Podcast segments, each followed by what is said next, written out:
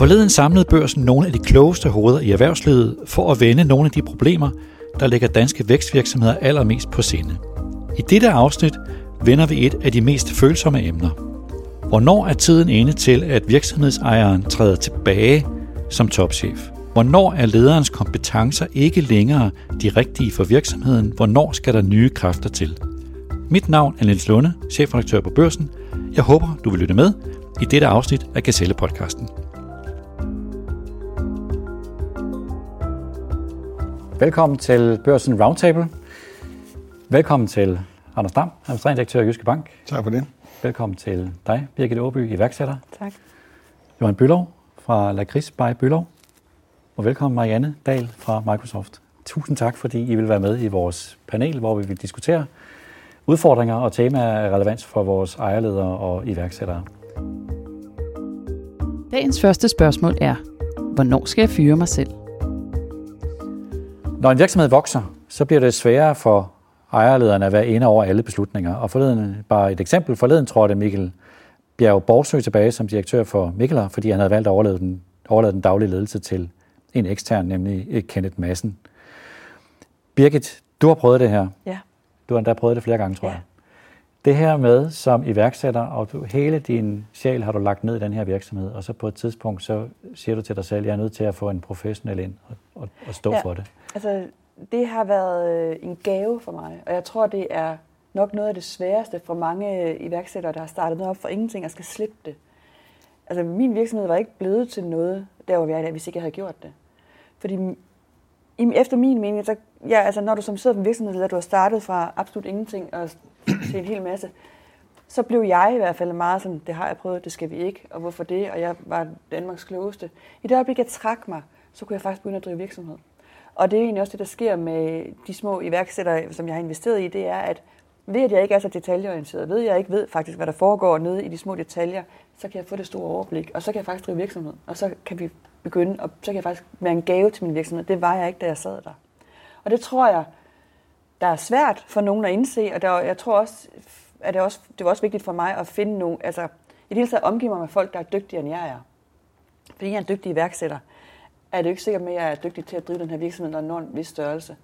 Og det er også noget, jeg bliver nødt til at finde ud af, at sådan er det faktisk nogle gange. Men hvordan var det at give slip på kontrollen? Fantastisk. Jeg var helt derude, hvor jeg var så træt af at sidde der. Så det var det, det, var det eneste rigtige for mig, for jeg var træt af at høre på de samme problemer, jeg har hørt på de sidste 15 år. Så, så det var ikke svært for mig, men jeg tror, det er svært for nogen. Øh, og det ved jeg, det er. Jeg ved, det er svært for... Altså man hører det modsatte, man hører det, rej- man hører det og, det, og, det, og det er, synes jeg, tror jeg nogle gange godt kan blive deres død, at, han bliver ved med, at man bliver med at sidde der, og man krammer, klamrer sig til den her virksomhed, nu vil jeg være der, jeg har startet, og jeg er den bedste. Ej, det tror jeg ikke, du behøver at være. Du kan være en dygtig iværksætter, og du kan nogle ting, men vi kan ikke det hele. Så, så ja, det er øh, den største gave, en iværksætter, synes jeg, kan gøre for sig selv, og en, der har startet sin egen virksomhed, det er at finde nogle andre, og så gå i bestyrelsen og drive den ved siden af, men med nogle andre. Fordi det har i hvert fald for mig været en kæmpe gave. Jeg ved ikke med dig, Johan. Jeg, ved- jeg, Jo, jo, men ja, jeg, altså, jeg elsker jo præcis, Ja. ja. øh, præcis det der tema. Jeg har faktisk også snakket lidt med Mikkel, øh, inden, han, Ja. ja. inden han gjorde det her. Øh, og det er, altså for mig er det lidt den der, de iværksættere, der lykkedes formår at, at tage på den rejse. Ikke? Jo. Under for mig sådan et tema også om, at øh, egoismen også er din, eller egoet måske Ja. ja. er din værste fjende ikke? 100%. et eller andet sted. Øhm, man er ikke bedst til alt, du. Og jeg lover dig for, jeg har to eksempler på rejser, hvor jeg lavede en lille bitte lakridsbutik på Bornholm, hvor jeg stod og håndrullede ting og solgte det til folk. Da jeg skulle rejse til København og lave en lakridsfabrik, skulle jeg ansætte Lis med rødt hår, som skulle overtage min butik. Øhm, hun var 30 år ældre end mig. Øhm, altså, det spænd, det var fuldstændig lige så besværligt, eller ikke besværligt, for det var Ja, ja, faktisk ikke præcis. særlig besværligt. Men, men det spænd var faktisk det samme, som da jeg fik en CEO fra, fra ved, over et år siden. Der er mange, der siger, er det svært så at give dit barn videre til en CEO, og du en plan for det? Det er det jo ikke, hvis de er bedre end en til det. Ja. Forstår du, hvad jeg mener? Og det er hele tiden den der rejse der. Jeg har været alle steder i min organisation. Jeg har prikket til det hele. Jeg har en holdning til det. Og ordentligt set har jeg et fantom godt overblik. Men jeg er absolut ikke den bedste til noget af det. Jeg tror Altså, jo, det er det- jo meget sjovt at sammenligne, fordi i en global virksomhed som vores, der vil vi sige, at en direktør for f.eks. Microsoft Danmark eller min nye rolle, altså fem år er meget fint, så vil vi gerne have en anden. Og det er jo ikke fordi, at personen har gjort det dårligt.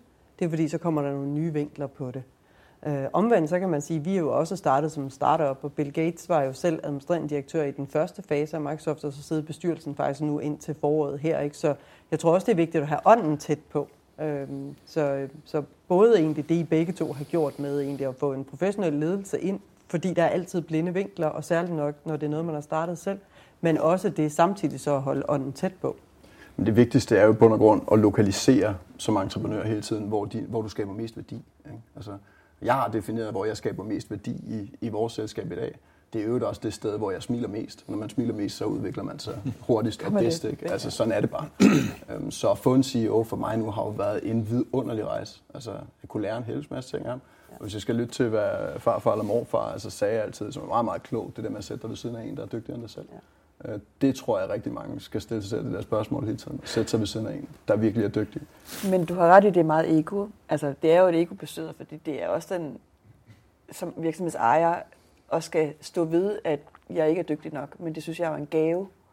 Øh, det er en kæmpe gave at kan se, for det er jo ikke et spørgsmål hvad er dygtigt? Hvornår er du dygtig? Er det fordi, du er dygtig uddannelse? Er du socialt kompetent? Hvor, hvor er det? Hvem, hvem er dygtigst? Mm. Der er jo ikke nogen, der er mere dygtige end andre, fordi de har en uddannelse, eller har været der længst. Eller, og det tror jeg, det er sådan en... Og det, en samt, jeg synes faktisk, det er noget, der kunne være interessant at tale lidt mere om, fordi jeg synes, det er lidt svært i forhold til, når vi taler i dag om de unge mennesker, hvor de skal ud, og de skal læse, og de skal være dygtige, hvor de sociale kompetencer jo er mindst lige så vigtige. Altså nu ved jeg godt, du er i en bank, der er nogle andre kompetencer også, men, men de sociale kompetencer betyder bare, synes jeg, nogle gange er lidt mere vigtigt end de boglige. Mm. Men Birgit, hvordan finder man så sådan en? Ja, det er også svært. Det kostede mig tre forskellige, tre forkerte. Øh, fordi det, som du siger, det er DNA'et. Du er nødt til, fordi det er DNA, og det, det ved du også, Johan, du har et specielt DNA. Det er derfor, du er der, hvor du er. Der er et specielt DNA, hvor, hvor jeg er, for det er derfor, vi er der, hvor vi er.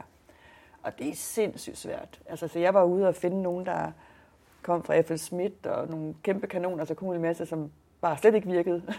Fordi det, det troede jeg, det var det, jeg skulle, men det var ikke det, jeg skulle. Og det synes jeg også var en, var en rigtig rar rejse for mig at finde ud af, hvad det egentlig var, jeg skulle have. Og det, og det var faktisk det, der var vigtigst, end at de havde en dygtig uddannelse en kæmpe virksomhed bag sig. Og jeg tror, det, det er igen, hvad det er for en virksomhed, du er i, for det har også været andre virksomheder, øh, som er i dag. Jeg kan jo tage, jeg er med i noget, der hedder To To Go, som jo, hvor vi får Mette Lykke ind, jo, som har bare gået fra 0 til 600 medarbejdere, men hun forstod vores DNA. Hun stod og kiggede på de her syv drenge og fandt ud af det, og, og lykkedes faktisk at få lavet den her mission, og sidder i dag med de her 600 mennesker. Det var der ikke andre, der ville have kunnet end hende. Altså det har været nul i dag. For, men fordi hun ligesom kommer fra, øh, fra en verden og, og forstod den med det samme, den klikkede for hende, som okay, det her vi skal, og fik hun lavet en mission omkring madspil, og sidder i dag med 600 medarbejdere. Og det er et lucky punch. For jeg vil sige, at jeg var, tre, jeg var ude i tre forskellige direktører, der kostede mig ret mange penge, før jeg fandt den, det skulle være. Så jeg tror, det er sådan en... Men for mig, der er det, der er det, der er det DNA, den følelse, der er fra virksomheden. Men vil du anbefale andre iværksættere at gøre det? Ja, du skal gøre det. For at, at få succes, der skal du få nogen ind, og som Johan siger, du skal finde nogen, der er dygtig end dig selv. Du skal finde nogen, et, og i det øjeblik, du kan trække dig op i helikopteren og kigge ned på din virksomhed, så kan du være med til at drive den. Når du er gravet ind i det, du har snudet ned i sporet, så, som, altså, siger, så mister du detaljer, du bliver blind, og du, de blinde vinkler, du ser dem ikke. Så væk fra den, fordi det er dig, der er sjælen. Og så er det altså på mange måder også angstprovokerende, det der med, at for, for at tage e-commerce-handel i dag, altså sige, du kan sætte en af de stærkeste bestyrelser overhovedet, med rutinerede managementfolk med 15 år, det ene eller andet, så ansætter du en e-commerce manager på 26 år, som skal have rigtig meget løn. Og lige præcis på sit felt, der kan han køre halvdelen af bestyrelsen af hele management midt over. Ikke? Altså, det er jo bare en ny virkelighed. Altså, det er sådan, det er. Øhm, og, og, du ved, den nye generation kan bare nogle ting, som vi ikke kan. Hvis man ikke når at sande det der i sit uh, øh, CEO-game eller CFO-game, eller hvad ved jeg, uh, så får man det sgu svært. Altså, det må jeg bare erkende. Anders, du ser jo de her SMV'er hver dag.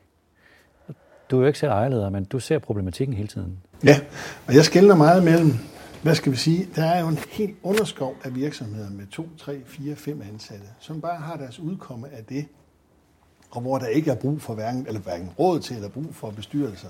Det kan være en lille tømmermester med fem ansatte. Når han så er ved at nå skældsord, så kan det være, han overdrager det til svendene. Hvad ved jeg?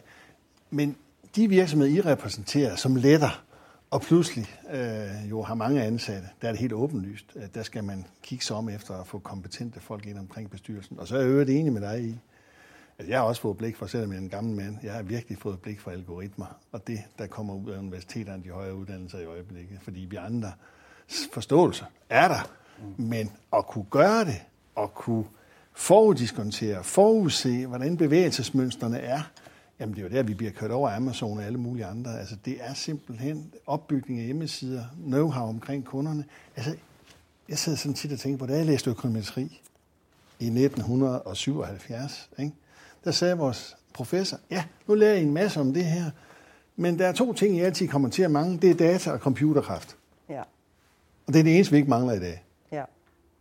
Og det revolutionerer alt. Også vores. Også min egen branche. Mm. Og vi bruger det også helt vildt. Mm. Men de steder, Anders, hvor, ligesom med Birgit og Johan, de steder, hvor det går godt, altså hvor en lille ejerleder, der vokser, tager den der beslutning. Ja. Ser du et mønster i det? Er, der, er, der, er der noget, man skal holde øje med? Vi har sådan et begreb, undskyld, jeg siger det, vi kan også kalde det key person. Uh, key person, ikke? Altså, key man's risk, plejer vi også at sige. Fordi ejerlederen, den der har grounded det og startet det, betyder jo utrolig meget for DNA'en og virksomhedsånden. Og når du selv prøver flere direktører for det, det er nemlig svært at finde bare lige derude. Nogen, der kan tage det DNA og føre det videre. For der er en årsag til, at du har haft succes.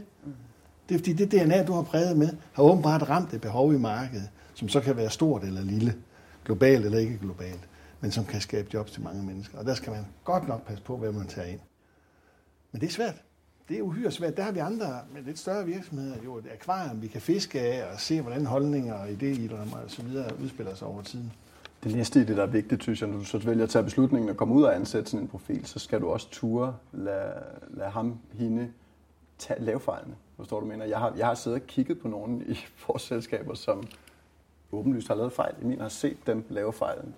Øhm, med en, sådan en du ved, åbenhed over for, at det skulle ske, og for, at de må lære af det. Altså, øhm, og det er lidt ind under samme paraply, altså på et eller andet niveau. Ikke? Altså man, man skal have lov at fejle, man skal have lov at opfatte det, og så skal man have lov at innovere ind under samme, tror jeg. Ikke? Øhm, men, men det er vigtigt i next, næste step. Ikke? Altså. Men jeg tror jo, at iværksættervirksomhederne har også præget de traditionelle virksomheder. Der jeg ser jo mere og mere administrerende direktør for både stå, små, mellemstore, men også rigtig store virksomheder være DNA'en på virksomheden, hvor det for bare få år siden var en lidt mere tilbagetrukken rolle, og hvor det var mere en altså en dygtig øh, leder selvfølgelig, men jo ikke sådan et DNA-menneske. Det synes jeg, det er jo blevet meget mere i dag, når man også ser på danske erhvervsledere, så er det jo blevet meget mere. Man er også den eksterne profil, man er DNA'en i virksomheden.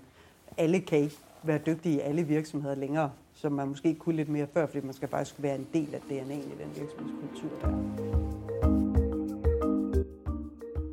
Det var alt, hvad vi havde valgt at bringe i dette afsnit af Gazelle-podcasten. Mit navn er Nils Lunde, chefredaktør på Børsen. Vi håber, du vil lytte med i næste afsnit på Genhør.